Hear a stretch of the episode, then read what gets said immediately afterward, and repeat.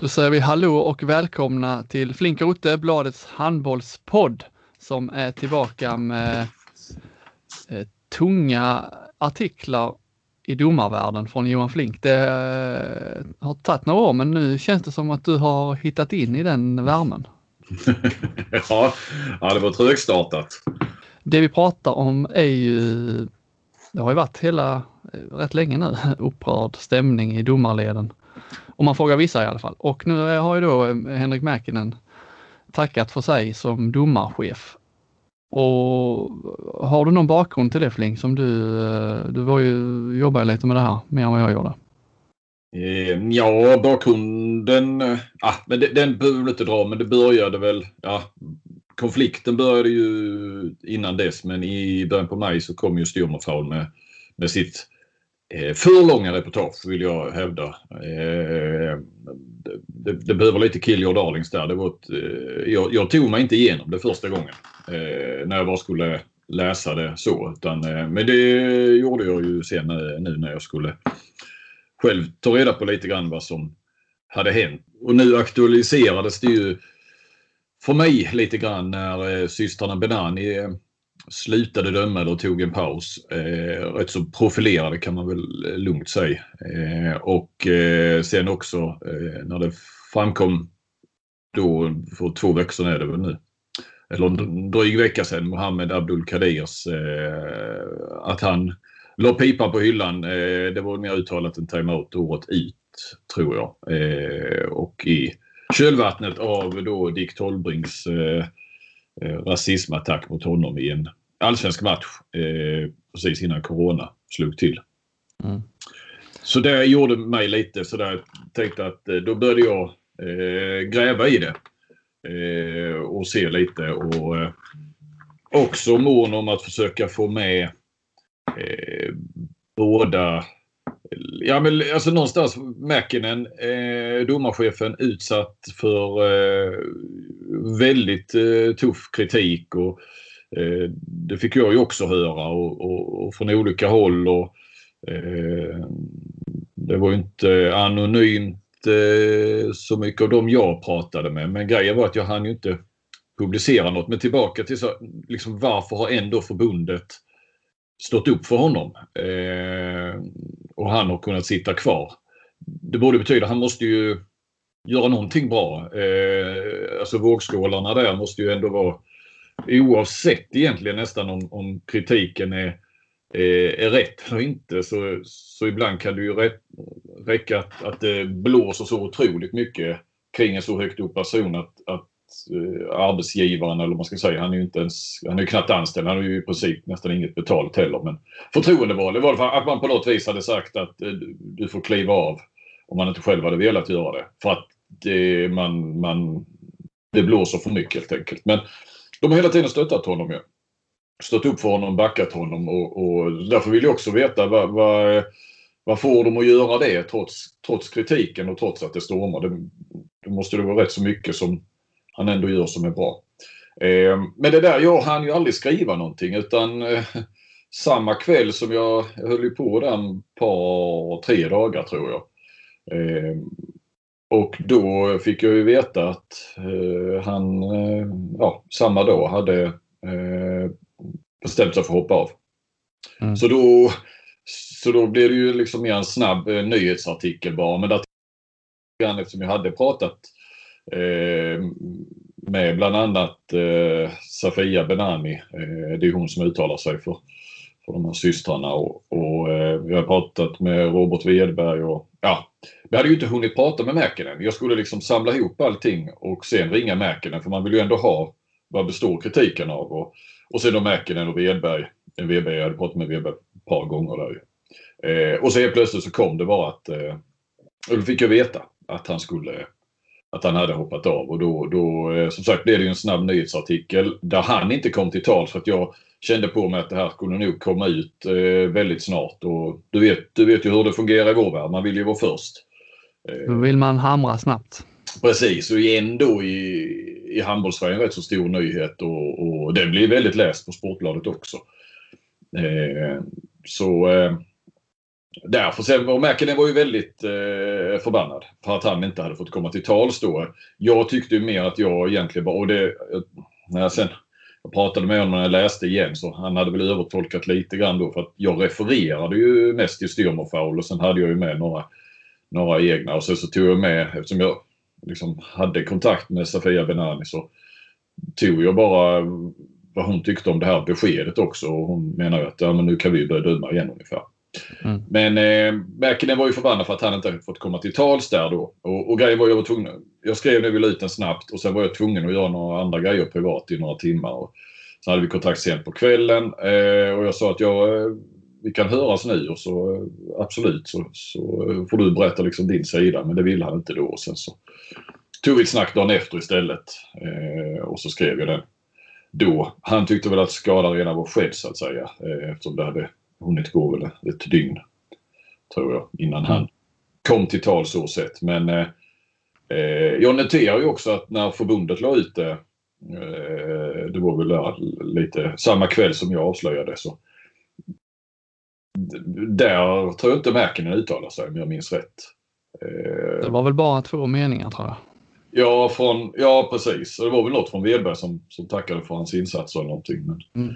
Eh, vilket han gjorde i, nu ska inte jag sitta här och sitta och rättfärdiga min, eh, min artikel, men, men eh, Wedberg fick komma till tals och, och, och lyfte ju fram och tyckte att eh, han förstod och respekterade beslutet men tyckte att det var synd ungefär. Eller sådär.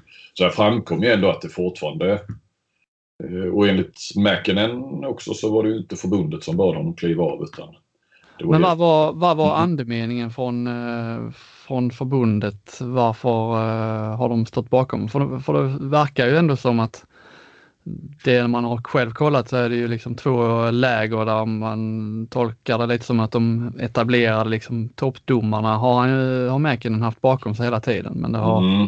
Ja, men jag kom inte riktigt fram till sådär. Det, det jag hörde lite så, det var, ingen, det var ju inte någon av de här Åström och de här Åström har jag faktiskt inte pratat med då som är ordförande i Elitdomarföreningen heter det va. Ja. Eh, men det är ju att han, alltså han har ju lagt ner oerhört mycket tid Alltså det har ju varit en, en stark kraft. Men det är klart, du kan ju inte, du kan inte eh, du kan inte göra vad som helst. Det säger inte att han har gjort heller. Men, men bara för att du jobbar mycket. det, det, men det var ju liksom en så att han... Eh, och sen... Han har väl haft stöd från eh, rätt många av elitdomarna. men sen så eh, är det ju...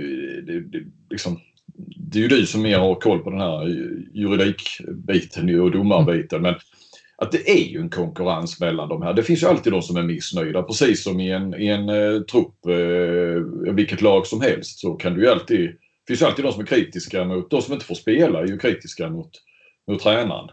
Eh, mm. Visst, den här kan du hävda vissa domar på ett annat sätt. Att, att eh, vissa domar favoriseras och så vidare. Och och det gör de ju också, de som är internationella domare. Ja, de, ja, de får kortare resor och så. Ja, men det måste de få därför att de har så många internationella uppdrag. Eh, eh, ja, och eh, om man ska ta den sidan så det är ju inget, eh, det är inte någon favorisering som, som vi, som man sitter och har tänkt på utanför liksom att det skulle ha varit eh, konstiga domartillsättningar på, på matcher så här utan det känns ju som att när det, har, när det är toppmöte och när det är slutspel och då tycker jag ändå att ja, då är det de domarna som har varit bäst. Jag har, liksom, jag har inte reagerat i alla fall på att det skulle vara några sån, någon sån favorisering. Men eh, visst, pratar man om resor så här så, så är, det, är det kanske så, men det har ju sin förklaring då med, som du säger, med internationella uppdrag som, som, eh, alltså man vill vara lite schysst och inte skicka iväg eh, Norrlandsdomare till Skåne när de ska ut och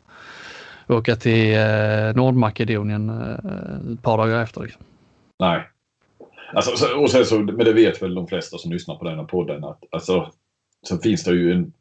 Alltså han har varit hårt ansatt för det finns ju en konflikt kring eh, en utbildningsportal och Mikael Claesson och Mats Nilsson, eh, gamla domare som Eh, alltså det, det har ju helt, det är ju väldigt infekterat mellan dem och Mäkinen och det handlar ju om avtal och pengar och förbundet som har köpt in deras tjänster. Och, ah, mycket sånt är rätt så, eh, ja det är väl viktigt i deras värld men som känns ju kanske nästan småaktigt i, lite utifrån så va. Alltså det är en röra. Det kan man... Ja, det är det och jag menar ju att det, det är ju aldrig ens fel att två träter som, som det heter. Va? Så att eh, där finns nog goda kålsupare på, på båda sidor. Eh, men samtidigt så, ja förlåt. Dessutom då är det ju det är ju en röra i sig kritiken mot Mäkinen men sen eh, är det ju det här med Mohammeds att han har slutat. Eh, det, har ju, det är ju i sig är ju en separat grej egentligen. Det har ju ingenting med, med Mäkinen att göra egentligen. Han har varit, han har varit nöjd med Mäkinen. Eh, eh, och då vet jag att han uttryckte då i, i maj, juni. Sen så känslan hos Wedberg är ju lite att det, den med Mohammed Eh, utan jag har pratat med honom också men jag är inte riktigt på det spåret. Att förmodligen tog väl det där lite ny fart när Dick Tolbring, eh, ja, ja, inte frikändes men i Riksidrottsnämnden så blev han ju helt plötsligt avstängd som spelare bara. Mm. Eh, eh och, och, inte som tränare så att eh, jag vet inte om det är där blev lite också. Eh, Ja, plus det här då med, som jag tyckte var eh, oerhört märkligt. Det var ju i eh, Alingsås tidning där han eh, berättade rätt öppenhjärtligt där Mohammed, men eh, det här med förbundets trygghetsråd och, och, och, att de står och säger på en domarkurs att de aldrig, de kände inte ens till det här ärendet. Det, det reagerar man ju rätt starkt på. Att, ja, fast så är det ju inte enligt Wedberg. Nej, sen läste jag att han hade förtydligat ja. det.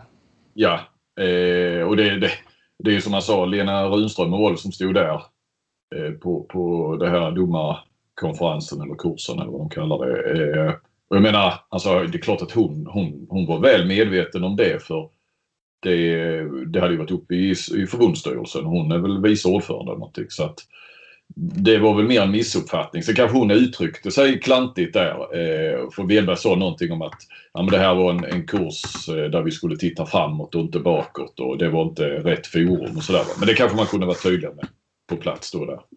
Eh, nå någonting. Det har ju uppfattats i varje fall på ett sätt men det är klart att Trygghetsrådet eller Rudström i alla fall har vetat om det. Sen har de nog agerat inte på bästa sätt och det har de väl erkänt också. Eh, Wedberg säger ju också när jag pratade med honom att, att där finns Ja men i Benani att det slutade med en timeout och alltså han är ju självkritisk så att förbundet kunde ha gjort mer och sådär. Så som man, som man ska säga i den, på den positionen han är och har det ansvaret han har. Så, så eh, innerst inne kanske de tycker att de, i varje fall när det gäller Benanis, har, har gjort rätt så mycket. Mm. Det kommit längre. Och för att då krångla till vardagen ännu mer så heter alltså den nya domarbasen Björn Eriksson. Precis som RF-chefen ja. och smittskyddschefen i Stockholm. Ja, men det är tre olika personer ska vi kanske... Det är det ja. Mm. ja. Eh, Björn Eriksson är ju tydligen eh, mannen Marino i handbollssverige eh, när eh, det behövs någon i någon eh, kommitté eller sådär. Jag hörde det, han har suttit i väldigt många kommittéer. Ja, ja. Och, och, och, det är han man eh, och alltid redo att hoppa in när det blir lite kris och sådär. Vet kris. inte vad domarsverige i stort tycker om honom men äh, Mäkinen pratade jag ju med efter att Eriksson hade då tillsatts och de hade bra relation i alla fall. Ja, det är ju lite det man tänker med nu med när det har blåst så mycket. Det har ju varit, eh, Mäkinen har varit den som har fått klä skott för all kritik och det är väl mångt och mycket just honom det har handlat om. Men det är ju, allt har inte bara handlat om honom. Det har ju varit kritik mot domarkommittén. Och inte, det, nu har ju Björn Eriksson suttit med i domarkommittén eh, under den här perioden så det är ju ingen eh, det känns ju mer, jag vet inte om tanken var nu att det skulle vara tillfälligt eh, till att börja men det känns ju mer som en eh, krislös, tillfällig krislösning att han hoppar upp ett hack i den hierarkin inom domarkommittén än att det är något att de börjar om från noll med en, eh, med en ny, ny ledning. Så eh, man, jag vet inte, kommer eh, är all kritik borta nu bara för Mäkinen slutar? Eller, för det är ju i mångt och mycket samma domarkommitté. Ja, nej, jag har inte kollat vidare på det faktiskt. Så att, men det är ju ett intressant spår att, att kolla upp. Vad tycker då parterna här? Eh, intressant är ju lite också att, att då Mikael Claesson Eh, som har ju varit eh, en av Mäkinens största kritiker och, och, där konflikten ligger och skillnaden utbildningsportal. Den gamle och före detta domarchefen är det ju. Mm. Han dömde, när han dömde på sin tid så dömde han med Patrik Håkansson och Håkansson stod ju på Mäkinens sida och var ju den som också hoppade av nu ihop med Mäkinen. Det var ju bara de två som hoppade av från domarkommittén. Mm. Eh, det är ju lite intressant att de har Claesson och Håkansson, det gamla, den gamla domarduon har eh, gått skilda vägar. Ja, alltså det är, det är mycket Eller? konflikt. Jo, det är, jag tycker det är väldigt fascinerande med konflikt. Alltså det är, och vi har ju sett domarpar som har bytt partner här nu eh, de senaste åren. Eh, man skulle vilja veta, det händer nog mycket bakom kulisserna där med personliga relationer och som förändras och så blir det ovänskap. Jag tror mycket ovänskap i domarvärlden. det är det nog. Och nu sitter det rätt många lyssnare ute och kan inte, vilket jag inte kunde för eh, någon månad sedan, hålla isär Patrik Håkansson, Mats Nilsson. Ja, Mikael Claesson kunde jag och Mäkinen kunde jag. Men eh, där är ju många, eh, tror jag, som, var, som är som jag var för någon månad sedan, som tycker att de här som inte kan eh, relatera till de här namnen. Jo, alltså namnen känner man igen men man har liksom inga ansikten riktigt. Och så. så att vi kanske ändå ska släppa den Eh, vad hette Mäkinens gamla domarpartner? Göran Jonsson, eller vad hette han? Ja, de Mäkinen har ju ändå eh, profilerat sig bra. Innan trodde man ju inte att Mäkinen var Göran Jonsson och Jonsson var Mäkinen. Men där får man, det får man ju ge Mäkinens, eh, alltså i sin roll som domarchef så har han verkligen lyckats profilera sig tillräckligt för att man nu ska kunna para ihop rätt ansikte med rätt namn. Ja, Göran, Göran Jonsson har ju hållit en väldigt anonym Ja. Eh, har haft en väldigt anonym roll sedan han slutade. Men var det inte så nu med, med ursäkta mig för att Jon, Göran Jonsson såg ju ut att heta Mäkinen? Exakt. Ja. Lite mer finsk ut om man nu får Ja, blond, eh, jätteblond ja. och eh, brillor. Han såg finsk ut. Ja, ja. Eh, vi undrar var han är i hela detta. Där har du någonting att ta reda på. Kanske försöka nå honom på något sätt ja. Mm. Göran Jonsson. Mm. Eh, ja, men i, Skrev du upp det nu? Ja, det gjorde jag faktiskt. Ja, det lät så ja. eh, nej, och, men det, det, det, man kan nämna också är ju den här, eh, det som blev liv med Dick Tolbrings avstängning där med eh, eh, rasistgrejen med Mohammed. Eh, det var ju att Riksidrottsnämnden de, de gick ju på, ham, alltså de gick ju på förbundets linje där och stängde av honom ett år. Men så var det den här lilla teknikaliteten då med, med att han stängdes av som spelare. Men annars så, som jag har fattat det så satte eh, RIN då, Riksidrottsnämnden, eh, de satte prejudikat där, alltså ett års avstängning från idrott när man uttrycker sig på det sättet. Och då mm. kan man ju nämna nu som är aktuellt med Dusan Juric i, i Halmstad som då blir avstängd i fyra matcher från liknande... I fotbollen? I fotbollen, superettan för en liknande attack där i, i någon match. Så man undrar ju, det hade varit det hade ju varit lite intressant att se om någon hade överklagat den domen till, till Riksidrottsnämnden om de hade liksom kört, fortsatt köra det spåret på ett års avstängning. Det, hade ju, det är ju lite av en game changer om man nu ska ta, som både fotbollen och handbollen är väldigt eh, noga med eh, liksom i sin kommunikation utåt att eh, liksom emot rasism i alla dess former och sitter på ett, ja, de är väldigt höga hästar där men eh, ja, tar man det på, på så stort allvar. Det hade varit kul att se vad som hade hänt. Ja. Eh, det, men det var ju stor skillnad i, i straffsats ja. Ja, alltså fyra matcher fick eh, Juric mm. och Dick Talbring fick ett helt år då. Det jag bara tänkte att fotbollen, vad, vad tog det? Det tog bara några dagar från att det hände till att han var fått sitt straff. Ja, det... Eh, I handbollen tog det väl ett par månader som alltid.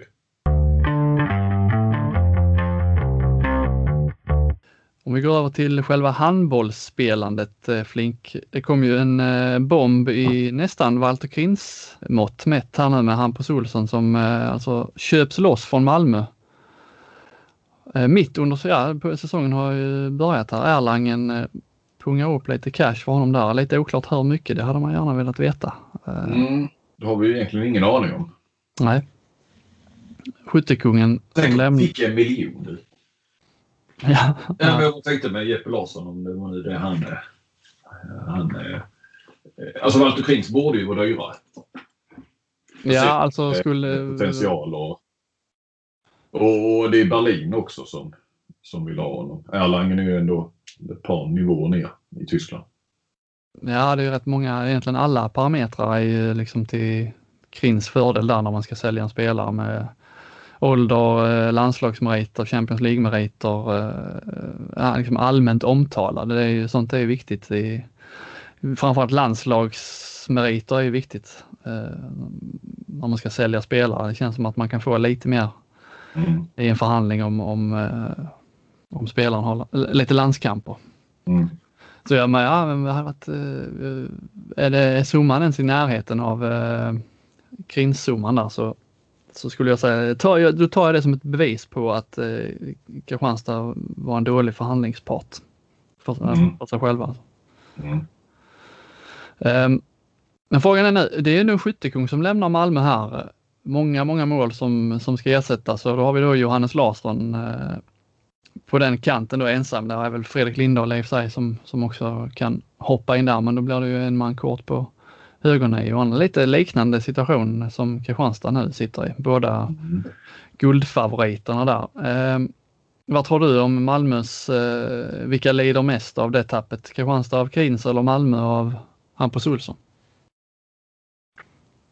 Ah, jag skulle ju nog säga Malmö, Hampus Olsson ändå. Ja, det, också det. Alltså jag... man, man vågar knappt säga det, men Krins var ju nästan ett han, han, vi vet ju vem Krins är, men på ett sätt var han ju nästan eh, ett andra val på två positioner. Ja. Alltså Anton Hallén har ju, har ju varit, egentligen har han varit bättre än Krins på högersex och högernio var han ju, var han ju tänkt som ersättare eller alternativ till, till Tater. Mm. Medan Hampus Olsson då är ju liksom givna stjärnan i Malmö, skyttekung och nyckelspelare och inte bara bra i läget. Alltså man kan visst man kan säga att Johannes Larsson är bra i läget och kan ersätta honom, men eh, Hampus Olsson var ju mer liksom, han var mer än bara en kantspelare som hoppade in och gjorde mål från kanten. Eh, absolut, ja, men jag, det är ju mer att jämföra med om Kristianstad i detta läge skulle tappa Gudmundsson eller eh, Tito Einarsson nästan. Eh, även om det är ju ändå viktigare spelare än... Alltså Hampus Olsson är ju fortfarande bara kantspelare.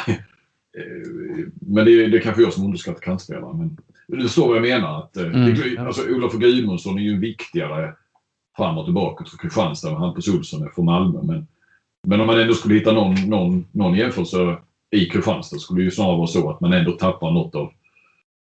Eh, ja men så. Även om Krins, alla vet ju, ett år till så hade kanske Krins eh, varit helt dominant. Mm. Eh, redan denna säsongen så sett ju. Men, men eh, de har ju, de har ju de har ingen, de har ingen bredd där, Kristianstad på högersidan, men de har ju rätt hyfsade namn i Anton Hallén och Einarsson. Det är ju, det är ju två av ligans bästa på sina positioner. Mm. Eh, nu när vi har ändå fått lite förändringar sen vi, vi eh, la våra tips då inför säsongen eh, och det har ju, spelats några matcher med, rätt många uppseendeväckande resultat med OV som körde över IFK Ystad. IFK Ystad rätt svag, eller en väldigt svag start på säsongen som man ju annars trodde rätt mycket på. Guif har startat starkt. Hallby har visserligen förlorat men varit nära i många matcher. Malmö tappat Olsson, Skövde eh, tre raka utan, utan nyckelspelare där. Det är, eh, man är ju och fingrar på det där tipset och kanske skulle vilja göra lite små förändringar här nu eh, tidigt. Har du, eh, har du tänkt samma som mig där? Ja, men jag håller med dig. Du säger man skulle vilja ha sån här power ranking eller vad det heter. Eh, Laul har väl sånt där flytande tips eller så ju som, eh, som han händer vecka för vecka. Eller han gjorde det ett tag i alla fall. Eller under försäsongen. Men eh, nej, jag håller med dig. Det känns ju som OV skulle bli topp fyra i Kristianstad eh, slåss med Varberg i, i botten. Men eh, man kan ju inte säga att serien har satt sig riktigt ännu. Men, eh, Skövde, väldigt imponerande. Faktiskt innan det började där så hade jag ju, ja, men jag hade ju någon, någon eh, krönika och något tips och, och lite så. Då faktiskt så ringde det alltså en, en, en man, en, en ja, medelålders, han var äldre än vad jag var i och för sig, jag är väl medelålders nu. Eh, gissar han var från Skövde. Eh, han ringde via växeln och fick tag i mig och, och väldigt lugnt och sansat så såg han liksom hur jag kunde tippa Skövde vad tippar jag nu? De fyra va? Eh, Och, och eh, nej, har du verkligen koll på hur bra de är? Och, nej, men det var...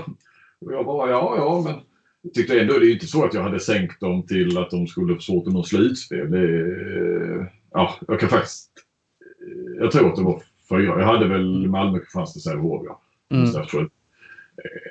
Och han kanske tyckte att Skövde skulle vara tvåa eller något så. Det, det är ju, ja, jo, det är klart det är två placeringar men det är inte... Ja, men han var stillsamt upprörd. Men det var yeah. kul att få ett sånt samtal. Det var väldigt sakligt. Men skulle du göra någonting åt ditt tips nu då, med, om vi börjar där då med Skövde? Skulle du, baserat på det vi vet nu, vad skulle du göra åt tipset? Ja, men bara precis utifrån det här. Ja, men då är ju Skövde... Ja, trea sämst. Som, även just nu ser de ju bäst ut så då skulle de ju eh, toppa någon sorts, om jag nu kallar det mer ranking. Sen, sen vill inte jag ändra mitt, hela mitt förhandstips för jag tror att alltihopa ska sluta. Det, väl lite tidigt men vad säger du? Ja, nej, jag hade ju Skövde som trea men eh, Hampus Olsson borta från Malmö. Skövde tre raka segrar utan både Hanisch och Helt Jepsen. Eh, jag tror Skövde kommer tvåa nu faktiskt. Mm.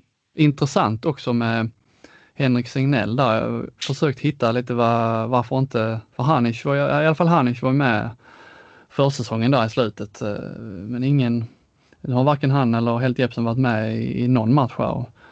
Men enligt Signell då inför andra matcherna mot Guif så sa han till eh, eh Skövdes hemsida. Eh, jag citerar då här. Vi saknade ju Mattias Helt Jepsen och Rickard Hanich senast men deras rehabilitering ser bättre ut dag för dag så jag hoppas att vi ska ha alla tillgängliga på lördag. De var inte tillgängliga. Inför Hallby-mötet här nu då i, eh, i onsdags så sa han Både Hanisch och Helt Jepsens rehabilitering har gått som förväntat och våra sjukgymnaster har jobbat bra med dem så vi hoppas att de är aktuella för spel på onsdag. De var inte med då heller. Så han, men han har ju, han har ju en eh, stor tilltro till att de ska komma tillbaka nästa match då antar jag. Och då undrar man ju, alltså om de har sett så här bra ut. Nu såg jag i och för sig Halby-matchen, så bra ut såg de inte då, men de, de tog ju ändå tog ju sina poäng. Mm. Och om de liksom tar de här segrarna nu utan båda, de är ju ändå rätt viktiga, viktiga spelare. I premiären mot Alingsås så pratar man ju mest om att Alingsås saknade Moberg Andersson och Blomgren. Men det är ju Skövdes spelartapp är ju minst lika viktiga. Och eh, ja, när de får, får de tillbaka dem så då blir de ju tvåa i ligan. Kristianstad tror jag mer som en given etta nu än vad jag gjorde innan. De har sett väldigt bra ut. Ja, eh, och vad säger vi med OV då? Ja, OV flyttar man ju upp på slutspelsplats utan tvekan. Och, eh, man petar upp, jag hade Lugi 8, de petar man upp till sjunde plats och så petar man ner IFK Ystad under slutspelsstrecket och så flyttar man upp Ove där. Ja, jag vill bara komma till Ove för jag kände lite så här. Jag, jag, oftast har jag ju tippat dem ändå att de ska etablera sig och så i, i ligan här de sista gångerna de har gått upp. Och, ja, kanske inte slutspel men strax bakom och sådär. Och så har jag liksom känt mig lite lurad varje gång att Ove har, har lurat mig. För det har sett bra ut och, eller sådär va, med, och resurserna som finns och en ganska namnkunnig trupp för nykomling och, och så har det varit. Och så har de ändå legat där nere och fått kriga sig kvar. Men sen har ju som alla varit överens om att de har en bättre tränare nu än, än, än Lindgren senast i, nu här i Tony Johansson. En riktigt bra tränare. Jag har alltid vurmat för honom som sagt. Men, eh, men, men eh, och de hade ju Sivertsson innan. Det var ju ingen dålig tränare alls. Och så, där, och så tänkte jag nu denna gången, men nu ska jag liksom inte gå med i någon sån host på något vis. Eh, det var ju fler som tippade dem högre än vad jag gjorde. Så nu, nu har de väl lurat mig igen då kanske. Nej, men vi ska inte dra för stora växlar av en. Men, men, eh, eh, och, och, och Tynell var bra nu men han är ju också skadebenägen. Han har ju varit rätt mycket skadad i senaste säsongerna när han var i Danmark och sådär. Så att det, de har ju ett, ett, ett eh, rätt gammalt lag, ett av de äldsta lagen och det brukar ändå betyda en, en del skavanker och sådär också. Så att, eh, men men nej, jag kanske tippar, jag vet inte. Jag får lyckas aldrig tippa OV rätt kanske. Eller du har varit före din tid i många år nu. Ja, men OV, jag är efter min tid helt plötsligt. När det väl ah, ah. OV har ju 24 plusmål nu. Det är rätt imponerande efter en match. Ja. Det var var det nu för vad du hade med Sebastian Seifert där i, på upptaktsträffen? ja, eh, det var ju svordomar och könsord va? Så, eh, har, du, har du följt upp det efter? Nej, nej, jag har ju inte det. Jag såg ju inte ens eh, matchen här. Så att, eller matchen, jag har inte sett någon av IFK matcher. Jag vet inte heller om, om man har kunnat lyssna på timeouterna. Det är väl bara för dem med lite tv-satsning som man kan göra det. Mm. Men det finns kanske anledning att göra det nu efter Ja, jag har ju svårt att se efter två förluster att han har lyckats hålla sig på, på rätt sida där. Eh, då skulle han ju få eh, Kim Andersson. Eh, Vad var det nu? Jo, men om han, jag kommer inte ihåg, det var ju ett...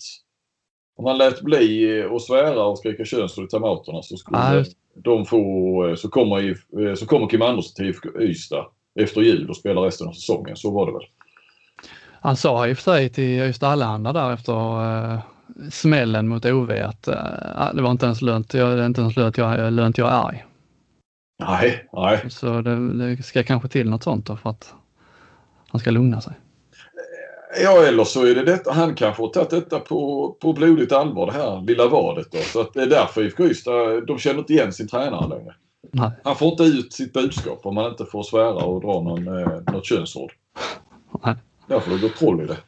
Nej, vi ska nog inte avskriva IFK Ystad men, men det är ju såklart en uh, blytung uh, start ändå så som det har sett ut. Det är ju bara, bara två förlorade matcher. Men, Mm. Apropå Kim Andersson var du var ju inne på där. Mm. Han var ju lite aktuell i alla fall i mina, mina trakter med Kristianstad. Eh, Ville ju köpa loss honom från eh, Öysta IF nu när eh, Walter Kins försvann.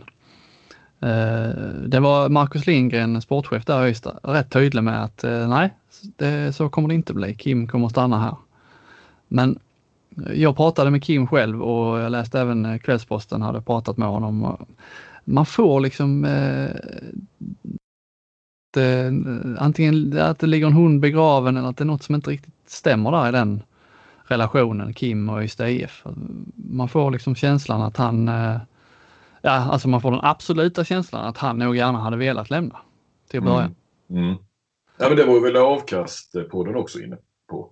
Eh, sen vad de byggde på det, om det var på artiklar eller så, men jag hörde ju nu att, att eh, IFK skulle ha till och med lagt ett bud och Ystad IF då tackat nej och till Kims förtret då hävdar ju de. Så vet vi inte riktigt vad deras källa till det är. Men eh, Eh, Nej, men den, det är ju i alla fall den känslan man får. Ja, man får ju den känslan. Och, men samtidigt, nu har han varit där i fem år. Va? Det, alltså det, jag har ju verkligen bara följt det på avstånd, men det känns ju inte som att det vad heter det? Made, match made in heaven på något vis. Mellan Ystad IF och Kim Andersson. Alltså det har inte blivit...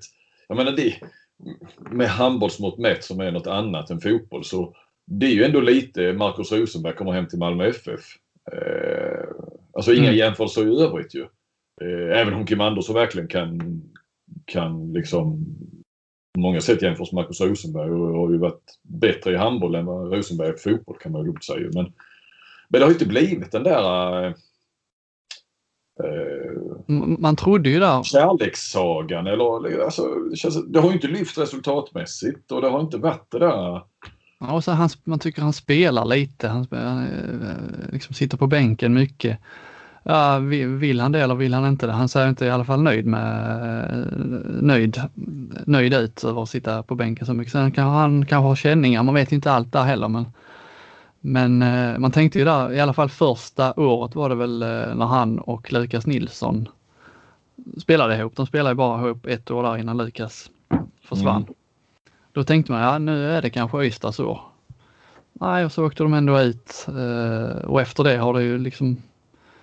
Nej, jag får känslan att han vill göra lite som Fredrik Petersen. Ja, vi, kör ett, vi gör en sista satsning här nu och så att han liksom inte riktigt tror på Ystad själv att de kan uh, gå långt och ta, ta sig till final och ta guld utan att han uh, vill göra liksom en mer seriös satsning på det.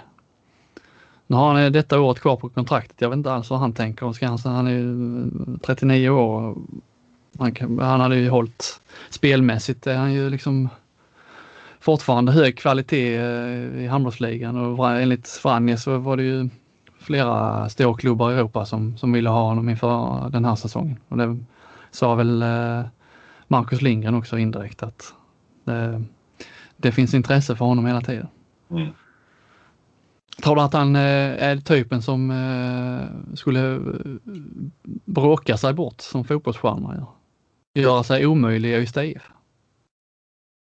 Ah, jag tror inte det ändå. Därför att alltså, jag menar, han ska ju ändå bo kvar i Ystad och, och det är en väldigt liten stad och det hade nog om han tänker bo kvar eh, och göra det. Så det tror jag inte att han gör. Men han verkar ju inte, verkar ju inte rädd för att ändå visa sitt missnöje så att säga. Det, så, det är väl ganska tydligt. De tysta markeringarna. Mm. Lite så. Eh, någon annan, eh, Hallby tycker jag att eh, jag var rätt så bra på det senast. Jag menar att eh, hade det varit i fjol så hade Hallby eh, säkrat den här segern igår mot, eh, mot eh, Skövde. Nu tappade de det i slutet, noll poäng. I fjol de tog vi många eh, bra segrar där mot, mot topplag på hemmaplan. Mm, jag, mm. jag tror att jag själv har rätt där. Efter och vad hade du? Hallby? Hade du dem på kvalplats eller? Ja, jag hade det. Mm. Å andra sidan såg de ju rätt så bra ut i övrigt spelmässigt så att de... Mm. Eh, Olle Ek. Mycket snack Olle Ek på sociala medier tycker jag. Är det det? Vad säger de där? Uh, jag såg bara något att uh, om han är den mest underskattade i... Det blev en liten diskussion huruvida han var underskattad eller inte. I, i ligan. Ja, han var faktiskt väldigt bra nu mot, mot Skövde. Så mm. det är mm. möjligt att men tycker du Hallby, de har många underskattade spelare? Uh, över hela eh, linjen egentligen. Mm. Adam Thornberg är bra, jag vet inte om han är underskattad. Fredrik Landin i målet är väl ständigt underskattad. Eh, Charles Hugosson fick kanske lite stod kanske lite i centrum i fjol men är ändå ingen spelare man ska du ta, lyfta de fem bästa högerkanterna i ligan så tänker du inte automatiskt på Charles Hugosson fast han kanske borde vara med där. Mm. Eh, nej, det är... Jesper Östlund, tränaren, inte underskattad. Nej, nu utsågs ju till årets tränare så fick han ju den här, vad heter den, pipan? Domar, Guld, domarnas guld, pris. Guld, guldpipan. Ja, ingen dålig eh, kombo det alltså. Nej. Första året i, i uh, handbollsligan också. Alldeles nu här Flink när vi sitter och poddar så kommer ju regeringen presskonferens här med Löfven och Hallengren och Johan Carlsson med ett eh, lite icke-besked där i publikfrågan. Det blir, verkar inte bli några 500 ens på matcherna från och med den 1 oktober som ju man hade trott och hoppats. Nej, det blir fortsatt är det 50 stycken. Men eh, det var det är ju känsligt det här med på, på vad man ska tycka om det jag eh, ska säga som alla andra säger, jag är ju ingen smittskyddsexpert. Ja. Men det är ju lite tråkigt. Alltså det känns som att idrotten den straffas liksom extra hårt när man, eh, alltså 500, jag tyckte man skulle införa liksom procentuellt då på, jag eh, håller med klubbarna där, att eh, större arenor där man kan genomföra säkra evenemang med hålla avstånd vid entréer och på läktarna och vid toaletter och så. Att man hade kunnat liksom eh, öppna upp lite mer där. Har du, eh, håller du med eller du håller låg på fel? Eh, nej, jag håller med. Jag tycker också den här procentuella eh, eh borde gälla eh, såklart. Eh, 50 personer i Bjärnums eh, idrottshall kontra 50 personer på Friends Arena. Det är, det är viss skillnad i täthet så att säga. I, i densitet. Ja, det får man säga. Men nu kom det igår eh, hockeylaget där, Hockeyallsvenskan Mora, de eh, flaggade för att pengarna var slut vid årsskiftet om, om de inte fick hjälp eller om eh, inte, man fick släppa in mer publik på matcherna. Nu är väl kanske inte handbollslagen så, de är liksom inte så extremt beroende av publiken som kanske hockeyn är för där är helt enkelt inte så mycket publik i vanliga fall på, på handbollen. Men eh, alltså ta Kristianstad, Skövde är väl de som förlorar mest på det här. Alingsås, Ystad, IF kanske. Eh, man undrar ju nu om det här inte ens mm. öppnar för 500 i oktober. Hur länge, hur, hur många år eller hur länge kommer man få se effekterna av det här att man tappar de här publikintäkterna? Det är... Nej, lite... jag, jag tänker också om man tänker lite långsiktigt så inte Alltså det är klart de här från 50 till 500, ja det är 450 pers till. Det är ju inte, det är ju, det är nog inte det som räddar klubbarna, den skillnaden. Men om man inte kan gå upp till 500 nu, då, då är det ju en trappa som ska igenom. Eh, så det innebär ju att ja, innan du kan ta in 1000 så ska du först ha 500 ett tag och då, då dröjer det kanske till början på nästa år innan man kan gå upp till 500. Mm. Eh, även om jag absolut fattar eh, och, och, och litar på våra Eh, experter så att säga. Så de gör ju inte detta för, för att jäklas eh, med, med idrottsklubbar såklart. Men, eh, så det får man väl ha respekt för. Men visst, man kan ju tycka ändå. För sen, sen kan vi vara några hundra på ICA Maxi. Alltså det är ju fascinerande hur ens eget tankesätt, när säsongen ställdes in så tänkte man, alltså då i våras så tänkte man, ja när det börjar i september då är det allt som normalt igen. Ja. Och nu tänkte man eh, när det, när det väl började så kanske ja, till, eh, efter, efter mästerskapsuppehållen där i december och januari så då är vi väl tillbaka. Nu undrar man ju, det lär väl inte bli något slutspel ens där det är några fulla hus? Nej, nej, nej, nej, slutspel lär det väl bli men, men inte, nej, inte med fulla hus. Nej. nej. Och det är klart att det har ju en jäkla effekt på, på eh, på klubbarna. Därför att jag gissar ju att, och det har väl de flesta idrottsklubbar vittnat om, att sponsorintäkterna går ju ner också i och med mm. att ekonomin försvagas ju på grund av corona och inte annat. Ja, och bara liksom spelar. Ja, exakt. Ja, och spelar liksom eh, som nu med Kristianstad. De har ju försökt bli av med Simon Birkefelt bra länge utan att eh, lyckas och tillskriver väl en viss del eh, av det bekymret till pandemin och så. Nu, nu fick de ju ändå en intressant som de släppte, släppte honom till. Men det, är, ju det, det påverkar spelarna, det påverkar eh, lagen. Titta, om vi tittar ut i Europa så nu är det dubbelmöte här för, för Kristianstad till exempel och det ska in i ett eh, gruppspel då med Alingsås. Där, eh, där det kan ju skilja rätt mycket sportsligt också om man kommer till en bortamatch där det är bra tryck i arenorna och så spelar man hemma utan utan samma fördel. Mm. Vi spelade i Kristianstad i Polen till exempel. Där var 300 pers där, ett liten, liten arena. Jag gissar att det, sånt spelar ju in såklart. Om man bara sett med alla som har som har eh, koll på statistiken och siffrorna där, hur mycket, eh, att det inte är, särskilt i fotboll då, att det inte är alls lika stor andel hemmasegrar som, som bortasegrar. Så publiken kan ju spela en rätt stor roll där, liksom, även på resultaten. Och just mm. i handboll med när det är så tajt och många domslut som ska tas och eh, snabba ryck liksom. Eh, där, där eh, är man ju lite rädd att de svenska lagen missgynnas ännu mer. Ja, tar jag, jag såg eh, Nant spela i Champions League, för det var förra omgången, eller första där hemma, då var det ju, det var inga avstånd där. Det var, folk satt liksom stol i stol som vanligt bredvid varandra med, med munskydd och bra tryck på läktarna.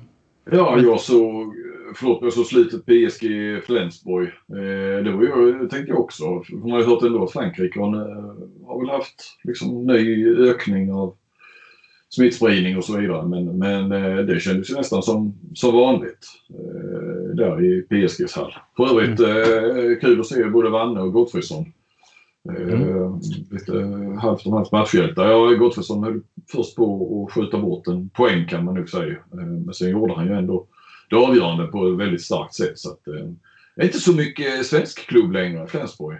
Det är väl bara Vanne och, och, och Gottfridsson kvar va? Mycket norrmän och danskar. Ja. Det säger väl någonting kanske om eh, hierarkin i den nordiska handbollen om man ska säga. Ja. Eh, men det måste ha varit länge sedan det bara var två, eh, två svenskar i Flensburg. Det måste ha varit innan Kentari kom dit där, någon gång 15 år sedan. Ja, vad skulle du säga? Jag avbröt där med. Ja, jag, skulle, jag, hade, det var, jag fick nog fram det jag ville. Men däremot när du ändå ger mig ordet så skulle jag väl eh, vilja passa på att göra lite egen reklam om det är okej. Okay. Absolut. Eh, Kristianstadsbladet sänder då alltså returmatchen i eh, European League mellan eh, polackerna eh, och eh, Kristianstad på tisdag. Du sa polackerna för... Ja, jag, precis, precis innan jag skulle uttala namnet så ångrar jag mig. Jag hann höra, jag hann höra den tvekan och så blev det polackerna. Ja. ja.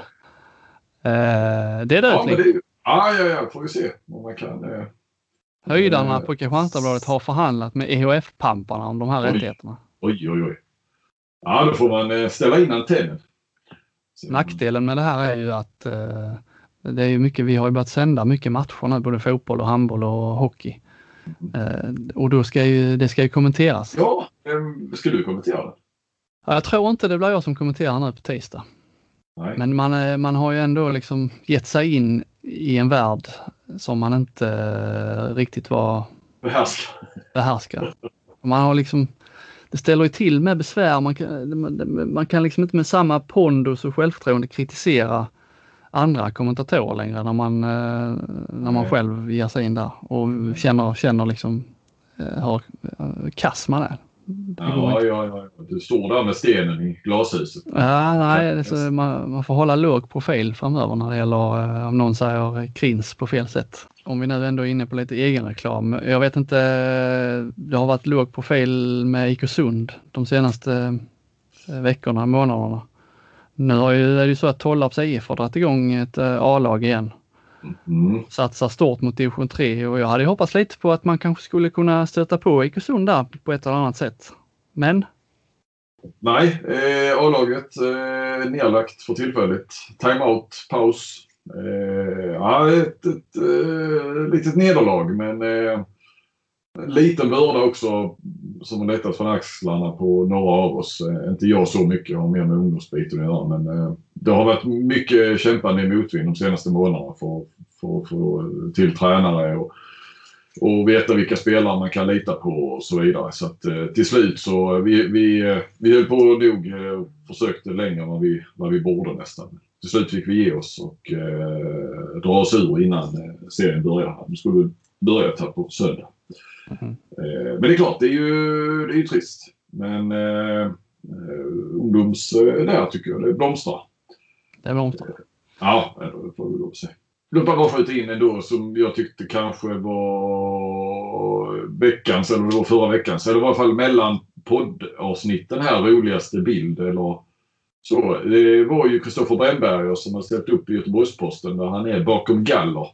Han står vid någon sån här, gissar jag, någon sån här grill. Men det är, han står där och håller i, i, i, i det här gallret. Eh, lite humor och självdistans och eh, mm. jag vet, jag tänkte faktiskt att jag borde borde ta ett längre snack med Brännberger eh, någon gång. Eh, skrivit en del om honom och tyckt om hans spel. Men jag vet ju också, och som det ofta är, de här värsta busarna är oftast de, bland de snällaste utanför plan och, och viktiga i laget och, och sköna snubbar där.